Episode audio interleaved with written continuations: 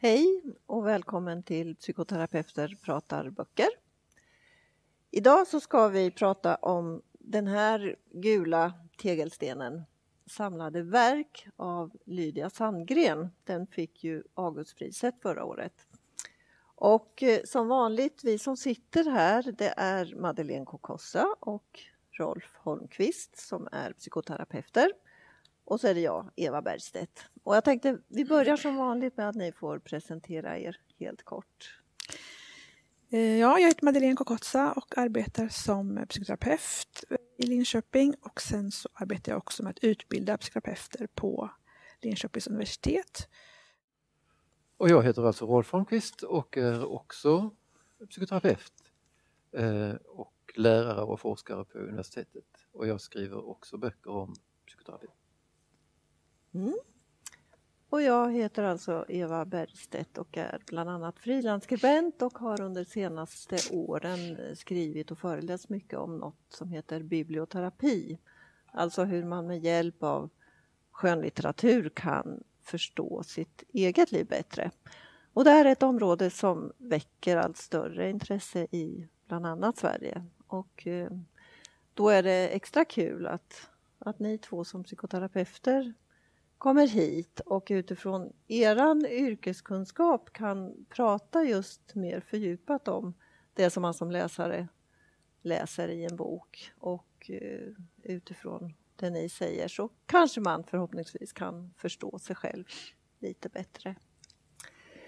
Eh, lite kort om den här 700 sidors boken Samlade verk. Den eh, utspelar sig under flera årtionden, ungefär från 1980-talet och fram till 2010.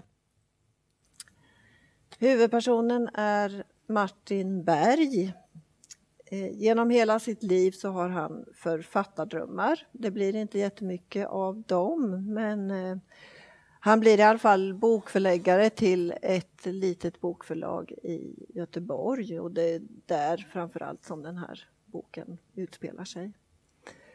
Och eh, han lever med sina två barn, ensam pappa till Rakel och Elis. Hans kärlek, Cecilia, som är mamman till de två barnen, hon försvinner under handlingen i boken. Hon lämnar familjen frivilligt när Elis, den minsta, det minsta barnet, är kanske ett, två år gammalt. Och hon hör aldrig av sig sen till någon. Eh, och Cecilia är en annan väldigt tydlig huvudperson i den här boken. Hon är precis som de andra personerna liksom en väldigt intellektuell person och eh, har stora planer för sitt liv. Men som sagt, hon försvinner från sin familj när hon är drygt, jag tror hon är 33 när hon försvinner. Och sen en annan jättecentral person i boken är Gustav det är Martins bästa vän och man får följa den här vänskapen från det att de är tonåringar och genom hela livet då. Gustav blir en stor erkänd konstnär. Och eh, så boken handlar om de här tre, Gustav, Martin och Cecilia. Och eh, man får följa dem från tonåren och in i vuxenblivandet. Och hur de kämpar sig fram i livet på olika sätt. Och sen en fjärde huvudperson är Martins och Cecilias dotter Rakel. I vuxen ålder så utbildar hon sig till psykolog och eh, nästan av en slump så börjar hon leta efter sin mamma. Eh, som hon, hon var kanske 8-10 år när mamman försvann. Och det är helt kort lite grann om bokens yttre ramar. Eh, med det sagt så tänker jag att vi kan börja prata om lite grann. Det finns ju en massa teman i den här boken förstås. Och ett väldigt påtagligt tema som löper genom hela den här boken handlar om övergivenhet.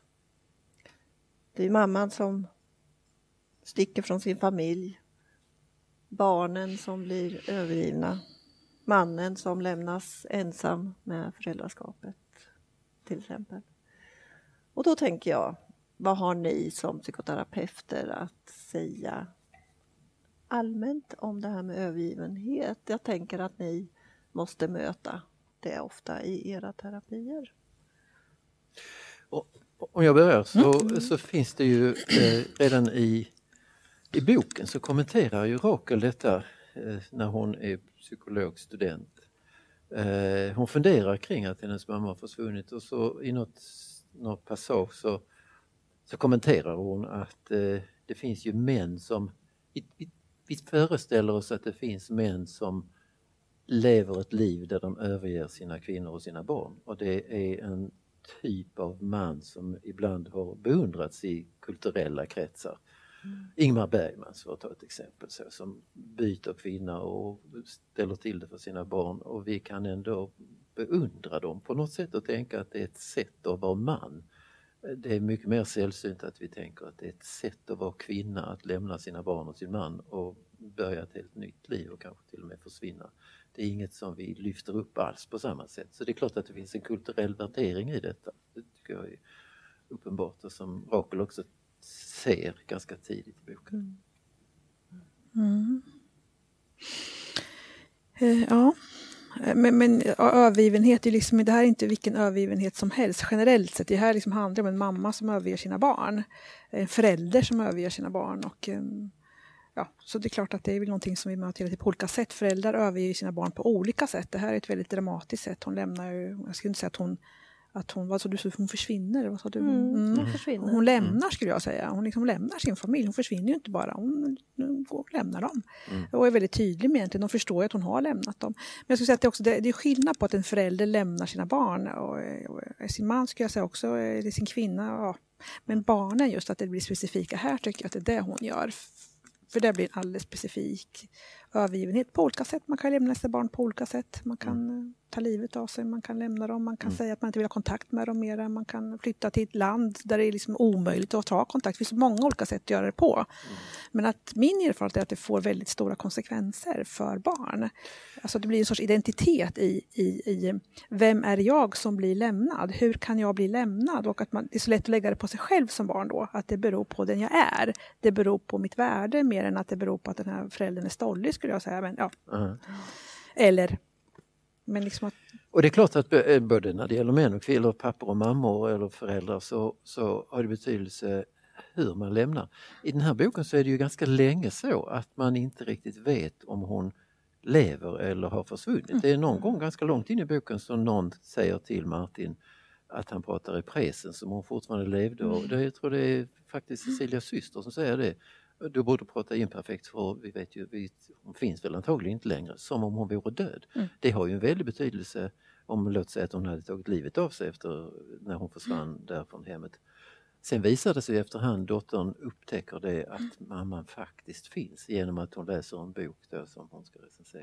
Mm. Och det blir ju liksom ett eh, ytterligare så. Och på slutet inser hon att mamman har varit väldigt nära henne när hon var i Berlin. Mamman har träffat eh, vänner till familjen. Alltså att hon verkligen finns. Så övergivandet blir mycket, mycket starkare där. Mm. Först kan det vara som det ju naturligtvis är, som är väldigt sorgligt när, när föräldrar försvinner och inte finns längre. Men den här mamman har alltså funnits och kunnat tänka på sina barn mm. tio år senare. Mm. Hon har till och med vetat att hennes dotter var på samma, i samma stad som hon själv befann sig i. Kontakt. Det blir mycket mm. smär, mer smärtsamt ju, förstås. Mm. När man förstår det. Mm. Är det mer skambelagt när mammor överger sina barn än när pappor gör det? Mm. Ja, men det skulle jag säga att det är idag. Alltså, i, jag skulle säga att vi genomgår någon sorts revolution när det gäller föräldraskap och när det gäller jämlikhet i föräldraskap. Alltså dagens papper är mycket mer, alltså, ja, är mycket mer aktiva och närvarande och delar föräldraskapet på ett helt annat sätt. Så jag tror framöver kommer det inte vara så då tror jag män och kvinnor kommer, det kommer vara lika laddat oavsett vem det är. Mm.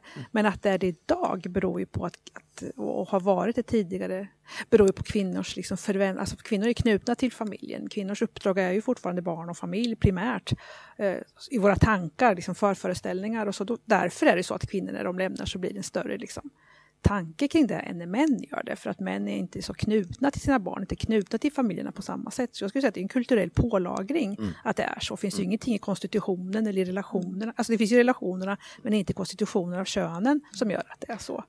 Att kvinnor blir mer liksom fördömda för att lämna Ja, och att det kanske blir större åverkningar när kvinnor gör det på ett annat sätt.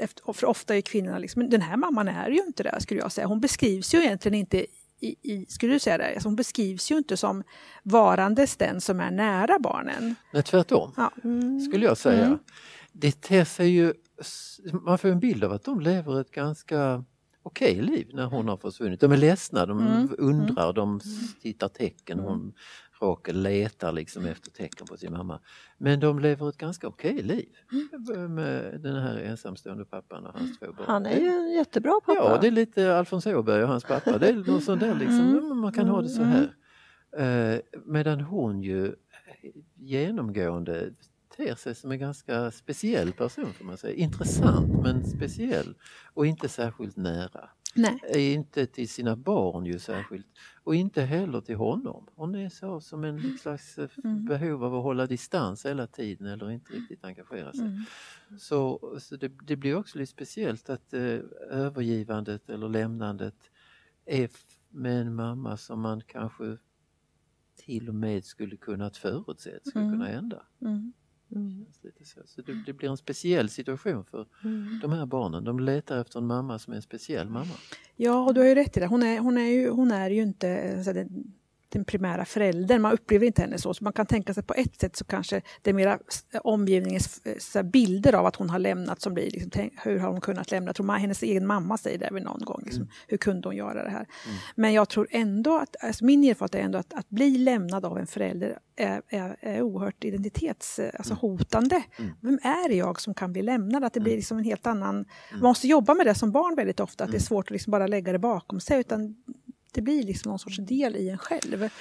Och det tycker jag vi får, möter en del och får, får jobba med. Att, ehm, ja. ja. Och, och där är det väl en skillnad får man säga och det har ju med deras ålder att göra men åldersskillnaden är inte så där jättestor mellan Rakel och hennes lillebror Elis.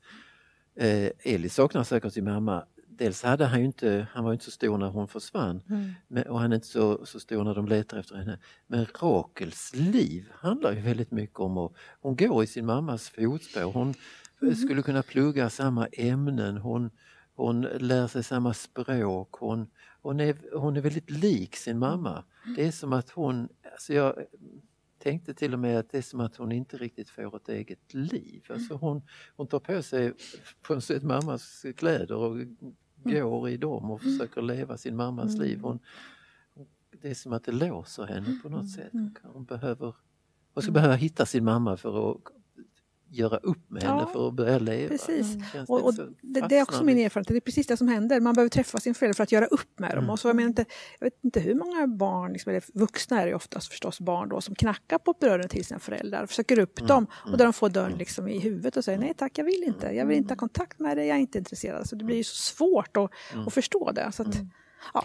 ja, alltså får det större konsekvenser för barn när en mamma lämnar än när en pappa lämnar? Har ni några erfarenheter av det? Jag tycker det är som du sa Madeleine, det har med... Det finns inga biologiska skäl till att det skulle vara så. Men vår kultur är sån att vi tänker att det ligger i kvinnans roll, på mammans roll att vara närmare sina barn. Så därför får det större konsekvenser mm. för vi tänker att det är mycket mer onaturligt. Mm. Medan vi har, vi har ju, för vi, det är klart att det håller på att förändras, men det, vi har tenderat att tänka att det finns män som mm. Picasso använder mm. det som exempel, som liksom byter och. Mm. Att det, och att vi kan till och med Alltså i vår kultur så kan vi beundra på ett sätt eller mm. tycka att de är intressanta. Det ska mycket till för att vi ska tycka att, eller det är väldigt speciella kvinnor som kan där vi kan känna att de blir beundrade för att de är Ja. sådana som lämnar sina barn. Mm. Det är väldigt Vet jag. ovanligt. Men, jag, jag, ja, men du säger beundrade, kanske. Det är, liksom, det, det är en längre tanke än vad jag förmår tänka nu. Men att, liksom, att, att män blir beundrade för vad detta. vi ska jag, kalla det de för? verkligen det? Ulf Lundell, alltså du, Ja, jag men tror blir han kan hitta- beundrad för det? Det finns någonting i Ja, de här killarna som känner att de kanske män gör det då mer än Ja, kvinnor. ja, det jag för, jag som kvinna tycker inte alls att jag blir speciellt impad av att han lämnar sina barn. Man kan ju tänka liksom, hur är det möjligt? Men ja, nej, kanske. Men jag tänker också att när, när, precis som du säger då, när, när, när man berättar att min pappa har lämnat mig.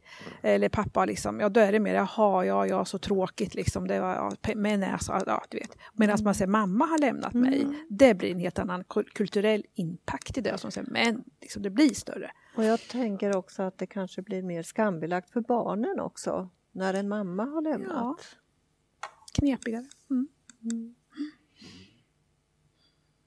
Och det betyder väl också att, eh, alltså nu, nu vill jag säga att hon, hon ter sig rätt speciell den här kvinnan, Cecilia, men man kan, ju- man kan ju vända på det och, och tänka att det, om man nu känner ett väldigt starkt behov av att lämna ah, hela sitt sammanhang så är det ju på ett sätt starkare gjort av kvinnor att göra det. De går mot den kulturella normen mycket mer. Alltså, det, jag tycker inte att någon ska lämna sina Nej, nej, barn det förstår jag eh, men, men det, det kräver på något sätt ett, ett mycket större steg för en kvinna att göra det som Cecilia Mm. gjorde.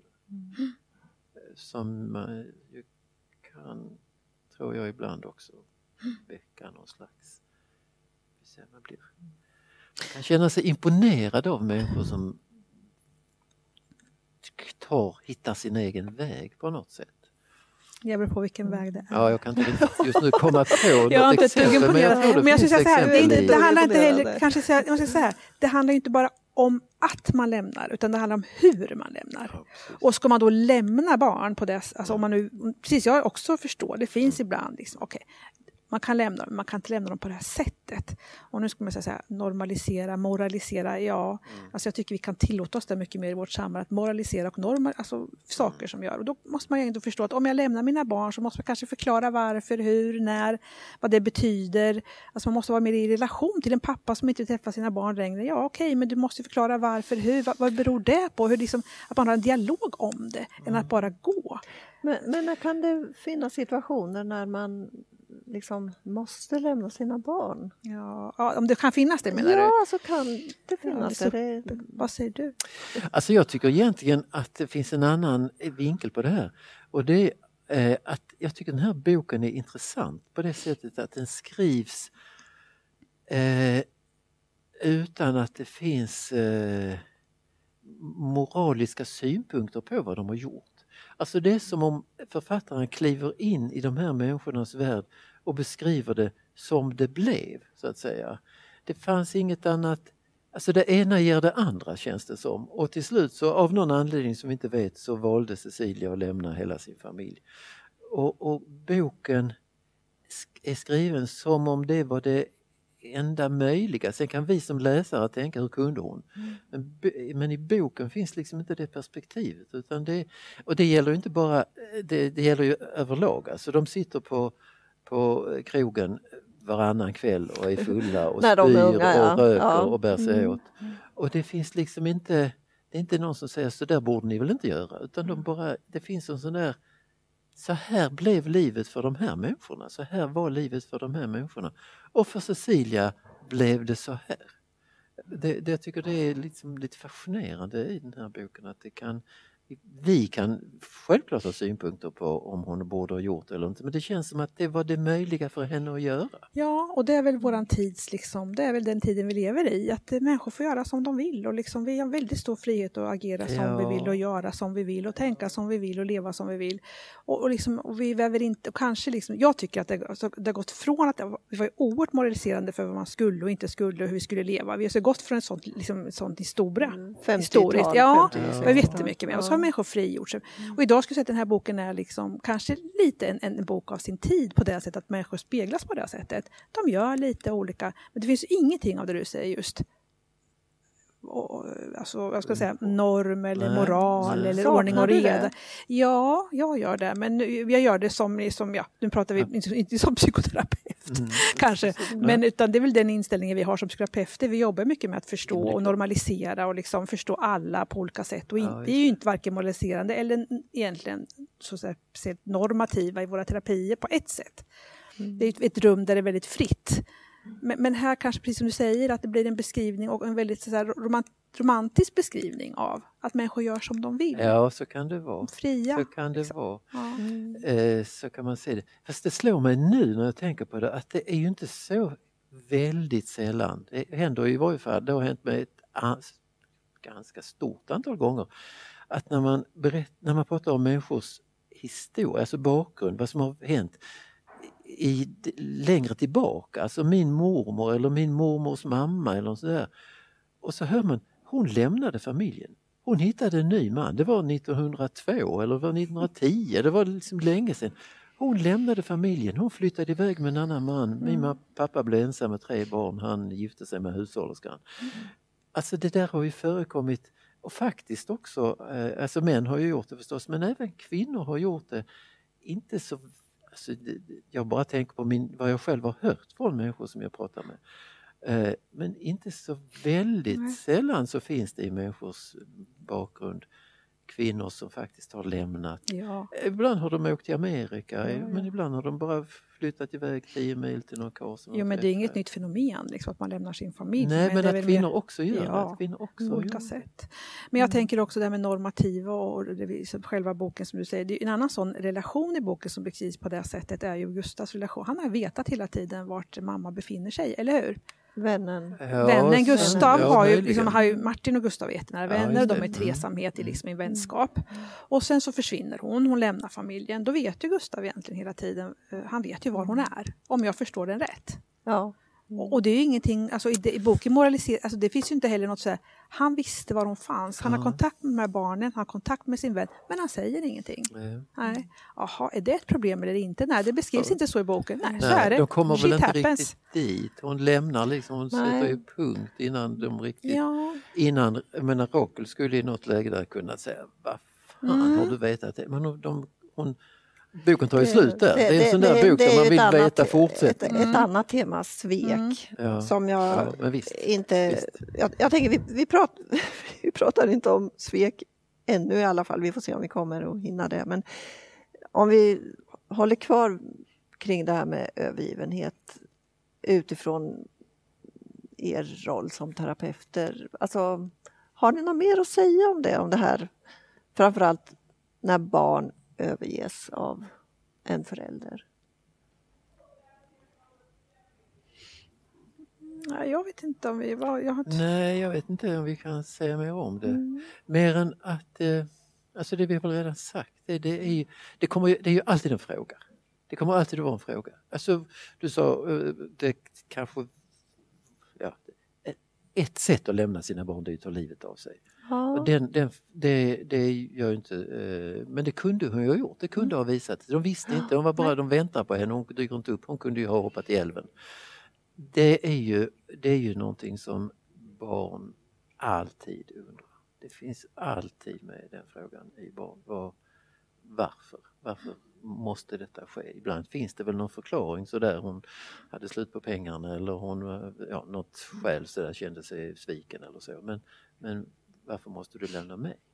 Det, det, det tror jag alltid finns det, Mm. det är ju uppenbart att det finns hos de här barnen också. Mm. Det, det är liksom, man, man lämnar sina barn med en fråga som aldrig, som aldrig försvinner. Liksom. Precis. Sen, jag tänker på övergivenhet behöver ju inte innebära att man lämnar sina barn men att man inte är närvarande för sina barn. Det blir också en typ av övergivenhet. Mm.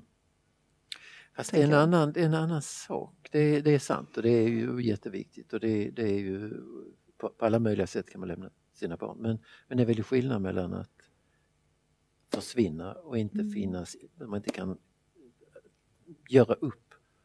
Och, Just det, man kan kvar, inte göra upp då. Det, det har du ju rätt inte i. hjälp, varför, Mm. ja, Precis. För det kan man annars som vuxen. Alltså man kan man kan välja att göra upp med en förälder men det går ju inte när Nej, föräldern I har princip försvunnit. så kan man alltid Ja, på något sätt. precis. Eller vad Mm, tänker ja, det.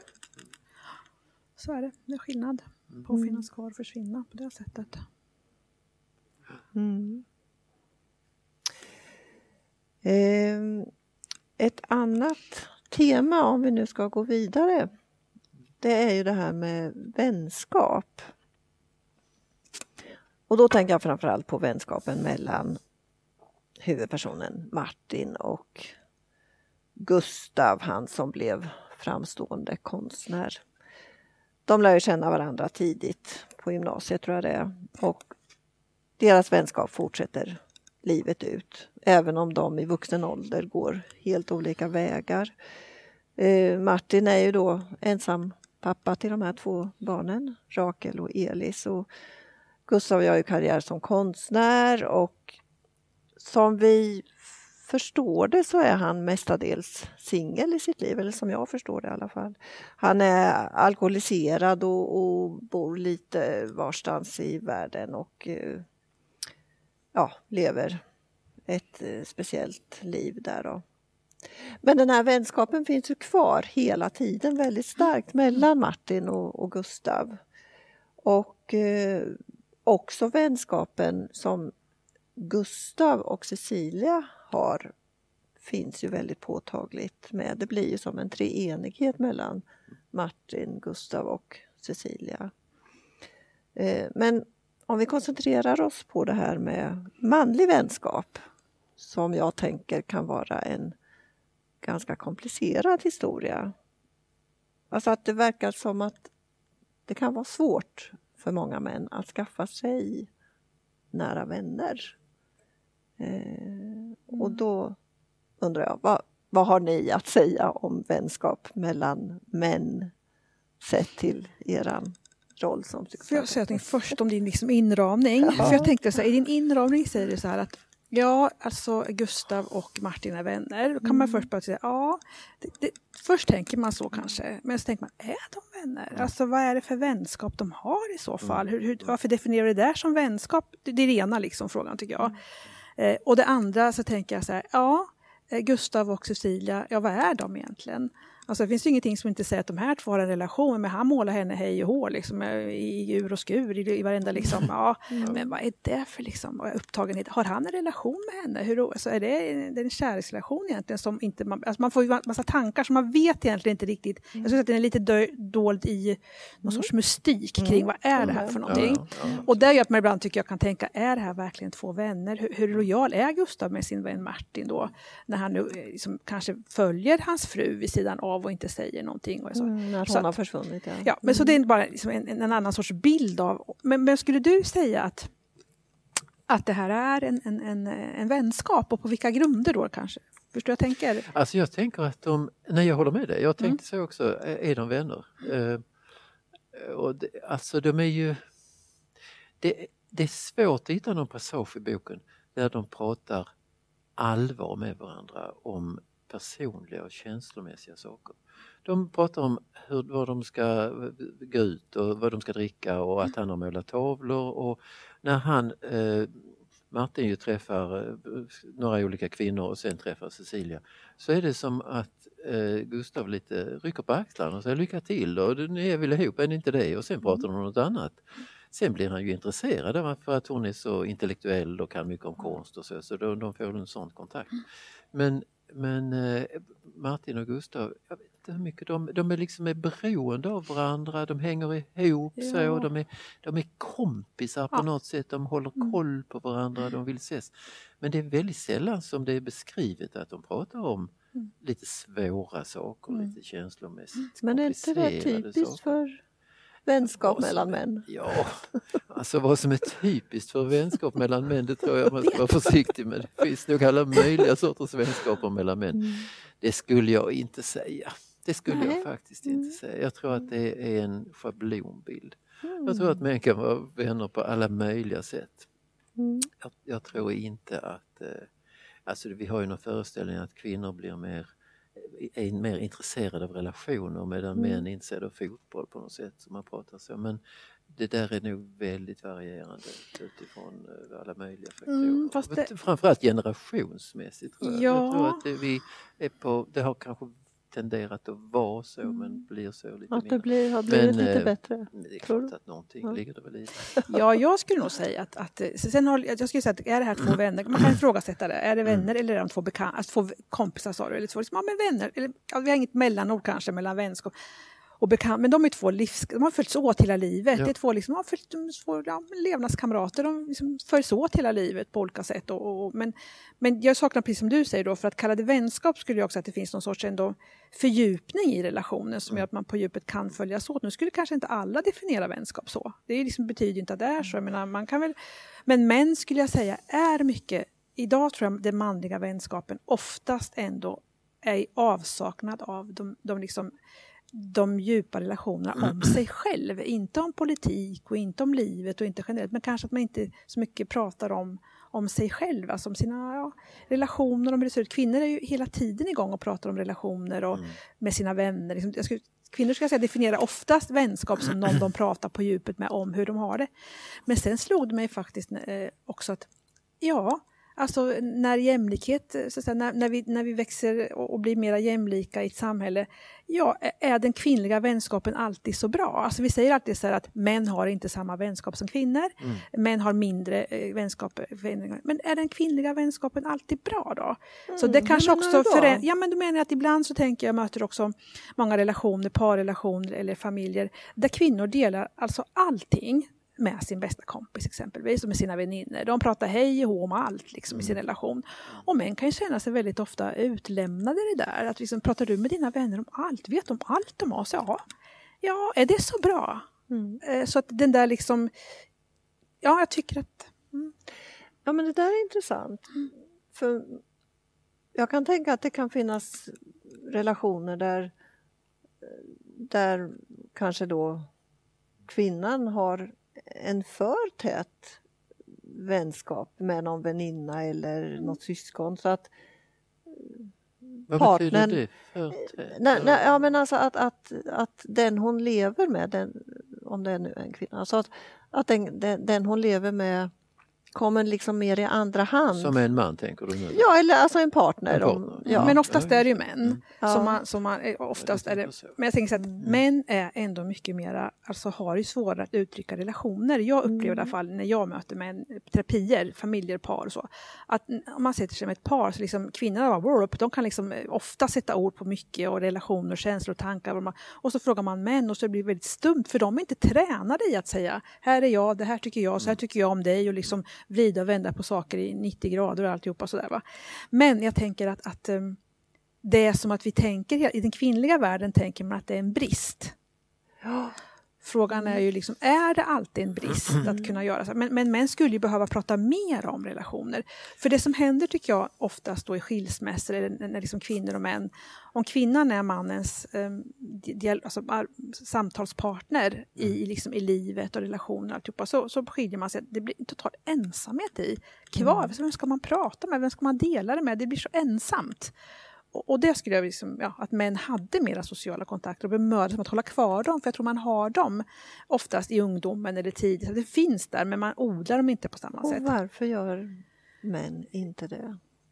Jag tror att det är en, fördel, alltså en sån här arbetsfördelning skulle jag säga. Kvinnan, hon så har ofta, Ja. förr var det så att kvinnor hade kontakt till och med med männens familjer Ja, och ja, ringde visst. svärmor och alla höll på. Men vad håller man på så där? är Alltså var och en behöver ansvar för sin familj och utveckla den liksom, förmågan att faktiskt göra det. Jag visst. tror att det var också kulturellt. Ja, ja, visst. Det, men det är ju säkert så och att det finns en sån eh, utveckling eh, att vi förflyttar oss eh, som grupper. Så, som, jag menar, män blir mer intresserade av att hålla kontakter och kvinnor blir mer instrumentella. Kvinnor får jobb och sköter sina jobb. Och så så det, det finns säkert en rörelse där.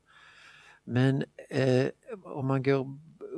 Alltså, och det är klart att det är så att ibland känner män sig väldigt eh, svårt liksom i separationer och så att skapa nära relationer och kan känna sig övergivna. Det, det är klart att det är nog om man räknar på det så är det, är det säkert fler män än kvinnor som kan känna sig ensamma. Så. Men jag känner mig lite manad att också liksom försvara mäns Ja, vänskap. För jag, det, det, Alltså man kan säga att de här två, om man, tar, man går tillbaka till boken, så, är de, så står de med varandra väldigt nära. Alltså när, när Äh, Gustav Tänker till- du på Gustav Martin och Gustav. Martin? Ja. När, när Martin till slut, eh, när Gustav till slut dör, då blir ju Martin väldigt förkrossad. Mm. Alltså det, de, de, de, är, de är ju på något sätt i familj med varandra även om det kan gå långa tider när de inte har kontakt så känns det ju som att de är som två, två killar som, har, som känner varandra utan och innan på något sätt utan att de kanske har pratat så mycket om känslor men det finns ju en väldigt närhet Mm. mellan dem, en Mm. väldigt så, de, de är, de är liksom lojala mot varandra även om de ibland är dumma mot varandra men de, de finns för varandra på något sätt. Lite. Om jag får vara riktigt, riktigt säga något riktigt konstigt så, eh, så är det lite, vi, vi eh, håller på att få lamm, våra får håller på att få lamm. Och det kan vara lite som djur, de känner varandra utan att kunna prata med varandra. Ja, ja, Någonting av det. ja. De hör Mm. ihop på något vis Ja. utan att eh, de har bryr sig om att hitta ord för det. Det skulle känna sig obekväma om de, man eh, sa, men vad känner du för honom? Precis. Jag gillar honom, han är schysst. Vi Mm. brukar ta en bärs. Ja. jo, det, Det, det, man, man ska inte förringa jag, nej, det, band som finns där fast som man inte. alltid har. Men, men precis, men det som mera, eh, får mig att, att liksom mera fundera över det kanske är just hans svek mot Martin. Alltså om Gustav har kontakt med Mm. Cecilia, målar henne och håller på medan en pappa håller, alltså Ja. det tycker jag det är en grundsten i en vänskap. Det skulle Ja, ja. jag aldrig liksom, Absolut. Alltså svek, kan, kan du utveckla det? Man kan ju inte liksom ha en relation, man kan ju inte ha- leva med en människa som är lämnad, lämnad. Mm. Hon har försvunnit, han är där med två barn, ensamstående pappa och sliter och liksom undrar var är hon och sen har jag kontakt med henne, målar henne och hejdan detta och så säger ingenting. Det, är liksom, Mm, det, ingen, det går inte som inte för mig, Nej. inte det inom ramen för Att, vänskap. att, Nej, att Gustav vet om att Vet om att var han är, han träffar Cecilia henne. Han träffar lever henne. och, och träffar henne. Ja, ja det är han ju. Eh. Absolut. Eh, Sen vet vi ju inte riktigt eh, om det har varit så från början. Det framgår Nej, inte. nej. Det, kan ha ju, det är ju många år som hon är borta så Mm. det, han, hon kan ju, det har ju- kan ju uppstått. Det Mm. verkar ju, med den där danska människan som, som hon också har kontakt så, Mm. så, så Precis. kommer det ju efterhand. Så det kan ju Precis, vara så. Men visst, på slutet. där så är det klart han målar henne och han Mm. träffar Och henne det, det, och, och han säger inget till Martin. Det är klart att det är ett svek. det, det är ett enormt svek. Och som sagt, man lämnas ju som läsare med ett stort frågetecken där, för det här får man ju reda på i slutet av boken. Nu, nu Det spoilar vi det lite är här för de som inte har läst den. Poängerna med den här boken att man det, man skulle vilja veta mer. Man lämnas liksom Exakt. halvvägs så fast Ja. den är så tjock så vill man ändå, Det, det, vad hände sen? Så, så är det verkligen. Ja. Mm. Men eh, jag tänker på apropå det här med vänskap, du, du sa någonting om det här med, med kvinn, alltså vanligtvis kvinnlig vänskap, att man, man är så himla mycket med relationer och pratar om allt och så vidare.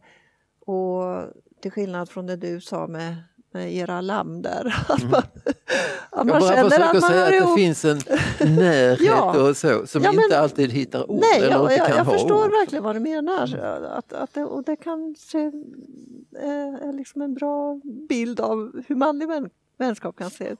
Men, men jag tänker att, att som, som kvinnor, alltså man kanske tar sig tolkningsföreträde hur vänskap ska se ut. Att om inte det finns det här med, när män pratar med varandra och liksom att de inte pratar så där som kvinnor ofta gör med jättetajt kring relationer och så vidare.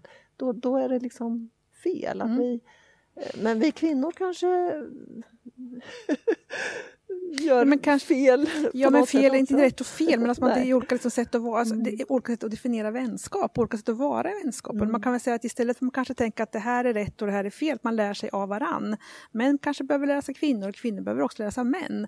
Att man kanske inte alltid behöver, för att man tänker på små flickor och pojkar så är ju ofta det här liksom att tjejer, de, de, de blir vänner genom att utesluta någon annan. De blir bästisar, liksom det här med bästisfenomenet är ju jättestarkt i kvinnovärlden, i Ja. flickvärlden. Mm. Den är inte lika stark bland pojkar. Nej. Eh, och då menar eh, eh, och, eh, och man, alltså, och det, det handlar mycket om att utesluta någon annan, att vi två mot någon annan. Så att det finns någon sorts grund i det där som man kan fundera över. Den behöver ju också kanske ifrågasättas och utvecklas istället för att vi tycker att det, för det är det som sen gör att man pratar med varandra, man pratar nära och man berättar allt och den här mannen, han, man lämnar ut honom helt på olika sätt då.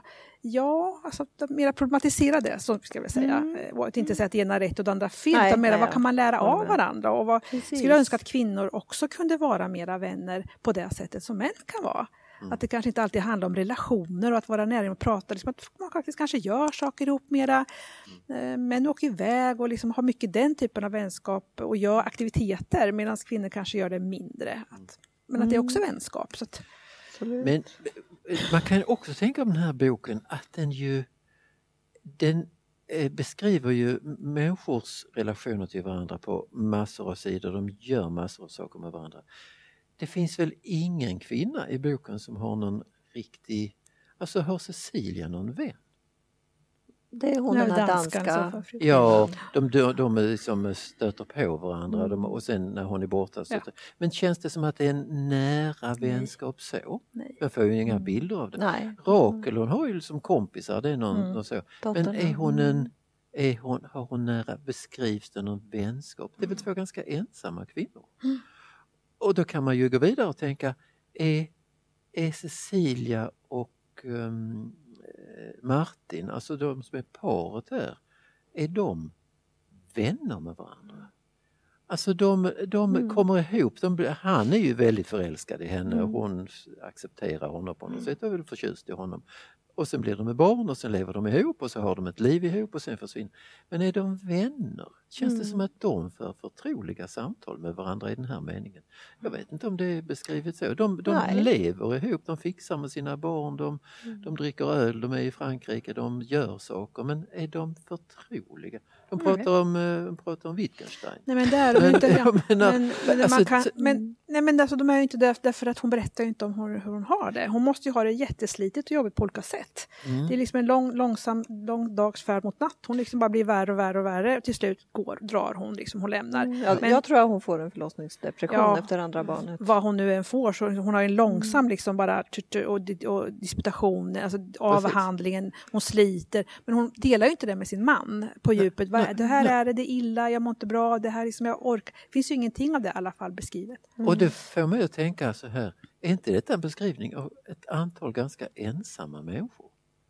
Som, har relation, som gör saker med varandra, som mm. umgås hela tiden och pratar om en massa saker. Och då blir det liksom en bild av, alltså det är ju, det är ju kulturella människor, bildade människor. De läser filosofi, de, Gustav målar tavlor som han tjänar massor av pengar på, den andra är förlagschef. De är framgångsrika i kulturbranschen men de är himla ensamma. Mm. Allihop. Mm. Är det någon människa av de där som har någon riktigt nära vänskap ja, med människor som beskrivs i boken. Jag menar man kan fantisera att de skulle ha dem, men som beskrivs. Jag vet att du nämnde mm. vid ett tidigare ja. samtal mellan oss syskonen, syskonen mm. Rakel och Elis, mm. att du tyckte att de har en väldigt nära, mm. härlig mm. relation. Mm. Jag skulle säga att det är en av de få relationer i boken som beskrivs ändå som en emotionell. Ja, en syskonrelation som är respektfull. De gör den här resan ihop. De, de har ett resan samtal efter, efter mamma. Efter mamma ja. Och de har liksom hittat varandra i det, respekterar varandra i det. Nej, jag tycker att den är beskriven ändå den, ja, En av, den enda ja, nästan på det sättet då. Jag vet inte heller, svärmor och svärfar tar väl ändå hand lite om Martin och hans familj när, när, när dottern drar. Liksom, så, så har de, de tar ju ändå hand om dem ja, och får komma dit och bo där. Som svär, eller, Cecilias föräldrar är också väldigt emotionella mm. liksom, i relation till dem. Men just det du beskriver, jag förstår vad du menar. Jag håller med dig. Ja, ja visst, ja, men de är mm. schyssta mot varandra och bryr sig. Och, och man kan ju tycka om dem på olika sätt, de här människorna. Och den där lite udda hennes eh, morbror, han Immanuel eller vad han heter. Mm. Eh, man kan tycka om allihop men, men de är väldigt, de är som i sina mm. egna, sina ja. egna öar. Martin som är huvudperson, han, han umgås ju hela tiden med människor, han umgås mm. hela tiden på förlaget och när han är ung. Men när han får, det är en människa som dyker upp som man skulle kunna komma nära på det där festen, vad hon heter, Maria, Maria Malm. Malm ja. ja, då backar han snabbt. Mm. Alltså, hans, ja, han, alltså ensamhet skulle ju oh, kunna vara någonting vi pratar mycket om överhuvudtaget. Hörrni, grejen är ju den att tiden går och jag eh, undrar, vill ni läsa något kort avsnitt var, valfritt? Eh, hur var det nu Rolf? Jag hittar ett Du hittar. Jag tror jag kan hitta det här. Vem av er vill börja? Eh, är du redo? Madeleine? Eh, är jag redo? Eh, jag är redo. Och, och också berätta då varför du väljer just det här lilla korta avsnittet.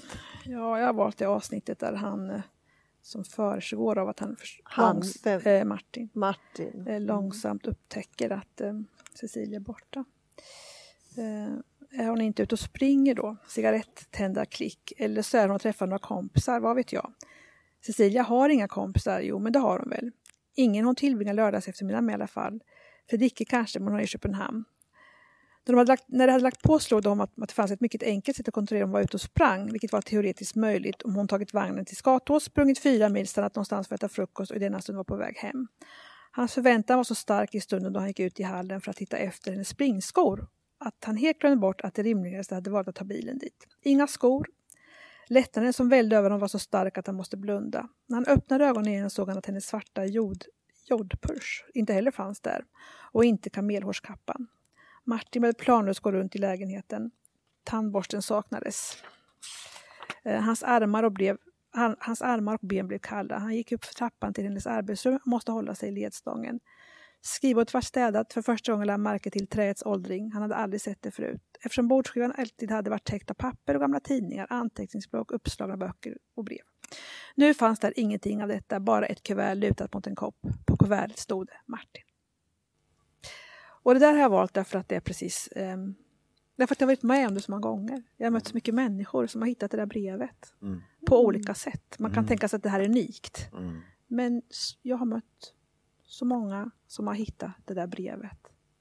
Och, och, och betyder, alltså vad, hur det, det förändrat helt liv. Ehm, ja, mer det där att liksom, det, det, man kan tänka sig att det är unikt när man läser det men att det faktiskt, jag skulle inte säga ofta, men att människor kan göra så. Man lämnar ett brev på kudden. Liksom. Jag går. Mm. Man lämnar ett brev i, i, jag vill inte leva längre, man lämnar ett brev. Och så förändrar man många människors liv på det sättet. Mm. Mm. Mm. Och ibland är det ju så att människor inte hittar brevet. Mm. Man letar efter det och hittar inte det. Man undrar vad som skulle stått i det där brevet som Mm. inte... De har hittat det. Mm. Ja, visst. Visst. Ja men tack. Ja, Det kan man tänka om, om jag skulle av någon anledning känna att jag måste försvinna. Vad ska man skriva i det sista brevet? Mm. Vad vill man skriva? Det, det, Skriv skälet till att du försvinner. ja, precis. Så jag fattar det, men ja. vilket är? Vad är, Mm. vad är, vad vill jag, ska, vad vill jag lämna? Vad, vad gör varför du lämnar. Du vet inte Vad som- är det för slags beslut man tar? Mm. Ja, Mm. Ja Rolf. ja, just det. Väljer Alltså jag har ett, eh, ett avsnitt här som, som handlar, alltså det är så att Rakel här hon får i uppdrag av sin pappa att eh, läsa en bok, att bedöma en bok Mm. som heter Ein, ein, ein Jahr der Liebe som är en, en tysk bok och denna bok visar sig eh, handla om en kärlekshistoria med hennes mamma. Det är där mamman dyker upp, det är där mamman blir levande igen. Av en ren slump så Mm. får pappan, alltså förläggaren, sig tillsänt en tysk bok som ska eventuellt översättas. Mm. Och då, eh, när, efterhand som hon läser så inser hon att denna kärleksberättelse från Berlin handlar om hennes försvunna mamma. Mm. Eh, och det är så de sen börjar leta efter henne och de hittar, men, hittar författaren och eh, får en bild av mamman Mm. som, som han har haft en, en kärlekshistoria med, Ein Jahr. Um, och då, då, eh, eh, eh, nu läser hon alltså, hon har inte träffat författaren utan hur, nu läser hon boken. Eh, det var i grunden en enkel historia. Berättaren som bar samma förnamn och yrke som sin upphovsman var en tämligen okänd författare bosatt i Berlin. Han var inte direkt misslyckad men definitivt inte lyckad heller. Han ansåg sig ha vikt allt för mycket tid åt skrivandet för att ändra bana trots dystra utsikter och total brist på idéer till nya projekt. Av en slump möter han en kvinna. De inleder vad han först betraktar som ett flyktigt förhållande. Han finner sig emellertid mycket berörd av henne och efterhand sätts hela hans väsen i rörelse. Relationen skakar honom i grunden. Vad han tog för lättsam lek blev blodigt allvar. Sedan, och detta förstod läsaren långt före den olycksalige berättaren, började gå utför. Kvinnan distanserar sig och bryter slutligen förhållandet. Berättaren blir förtvivlad, hans tillvaro och självuppfattning ligger i spillror. Han begriper ingenting och kan inte återvända till de invanda attityder och synsätt som präglat hans tidigare liv. Vägen mot hans gamla liv är stängd. Han blir besatt av att förstå vad som har skett, var det, var det gått fel, varför hon inte vill ha honom och allt sådant som olyckligt förälskade människor ältar i evinnerlighet. Gradvis framträdde ett porträtt av kvinnan han älskat. Enigmatisk men uppriktig, självtillräcklig och ensam, skiftande mellan kyligt avvisande och ömsint närhet, men utan att några egentliga förklaringar till hennes undflyende beteende gavs. Efter en tid försvann hon, spårlöst, och boken slutade i resignation inför mysteriet och ovissheten. Det tycker jag är en väldigt kort bild av vem Cecilia är. Mm. Eh, det här är ju i en annan relation, boken handlar ju om hennes relation med Martin och sina barn. Mm. Men, men här är det ju då i, i ett kortformat så är det precis samma historia. Denna kvinna som dyker upp, skapar någon relation, förefaller intresserad men sen drar sig undan och man förstår inte, hon kan inte själv hitta ord för varför hon lämnar eller vill inte berätta om varför hon lämnar. Det, alltså hon är ju på det viset eh, gåtfull och, och väldigt eh, intressant. Mm. Tragisk naturligtvis. Tappar mm. sina kontakter, klarar inte av, det är precis detta hon gör med sina barn. Gåtfull, mm. undflyende, till slut borta.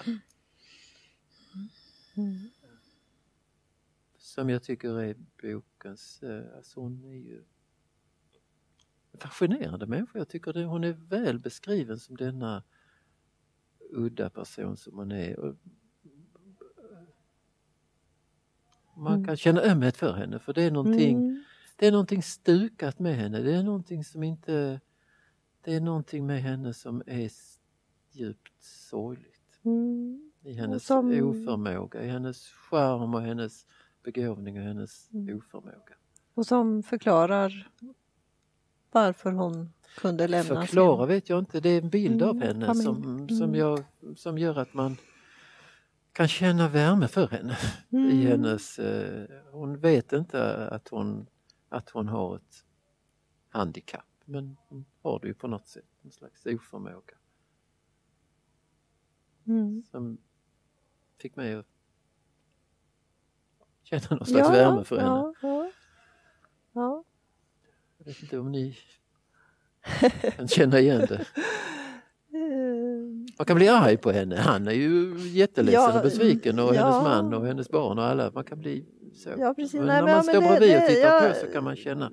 Det, det, är intressant och jag tänker om det har att göra med att, att, att eh, du har rollen som psykoterapeut för jag är mycket mer sträng mot henne och tycker så där kan man inte göra. Liksom. Man kan inte överge sin familj på det här sättet. Jag vet inte men om du, har... känner det så men jag, mm. det, det, för, eh, ibland har vi pratat om eh, vad skulle man, skulle man kunna ha psykoterapi med dem och ja, skulle det kunna ja, vara meningsfullt? Mm, mm, det, så känns det ju verkligen med henne, verkligen. Eh, okay, som en väldigt, ja. Eh, som en människa som behöver få upp ögonen för sina tillkortakommanden ja. som hon liksom inte, som hon inte förmedlar till någon ja. i varje fall. Hon kanske vet det men det, ingenstans i boken så får man en känsla av att hon kan sätta ord på det utan hon skulle behöva någon som sa men du, det känns som att vi har kontakt och ändå har vi inte kontakt. Vad har vi för slags kontakt? För mig känns det så. Mm. Hur känns det för dig igen? Alltså man skulle behöva bråka med henne skulle, om hur hon skapar Det skulle kontakt, finnas hopp för Cecilia. Till, ja, hopp, det, skulle, det är en utmaning. Ja. Mm. Hopp vet jag inte men det skulle vara en utmaning. Ja. Har du något att säga? nej, nej det är nej. Skulle du vilja ha henne i terapi? Jag tror att hon skulle komma till terapi. Alltså, Jag tror att de skulle komma där uppe. Nej, nej, nej. Jag tror inte det faktiskt. Det är ingen människa som söker det rummet. Liksom, nej, jag förstår inte vad som skulle till i hennes liv för att hon skulle söka det rummet. Så kan man ju tänka, vad skulle hända i hennes liv för att hon skulle söka det rummet? Mm. Vet inte. Mm. nej, det, är, det är möjligt. Men skulle hon komma så är det precis som du säger. Det är väl det man ska behöva göra. Hjälpa henne vidare att förstå.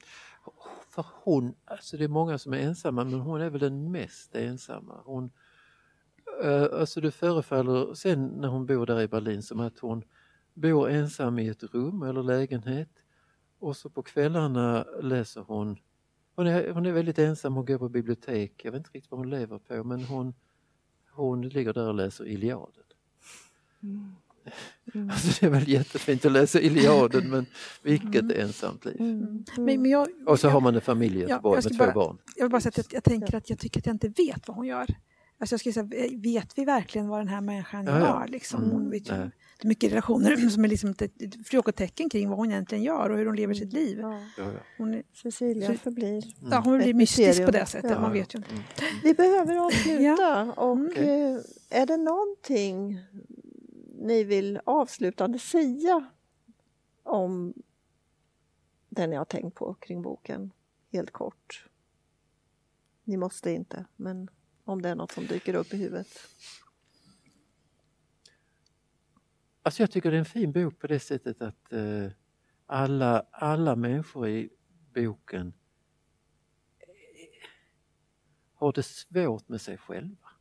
Den är Mm. liksom lite ärlig på det sättet att den, den, den beskriver människor som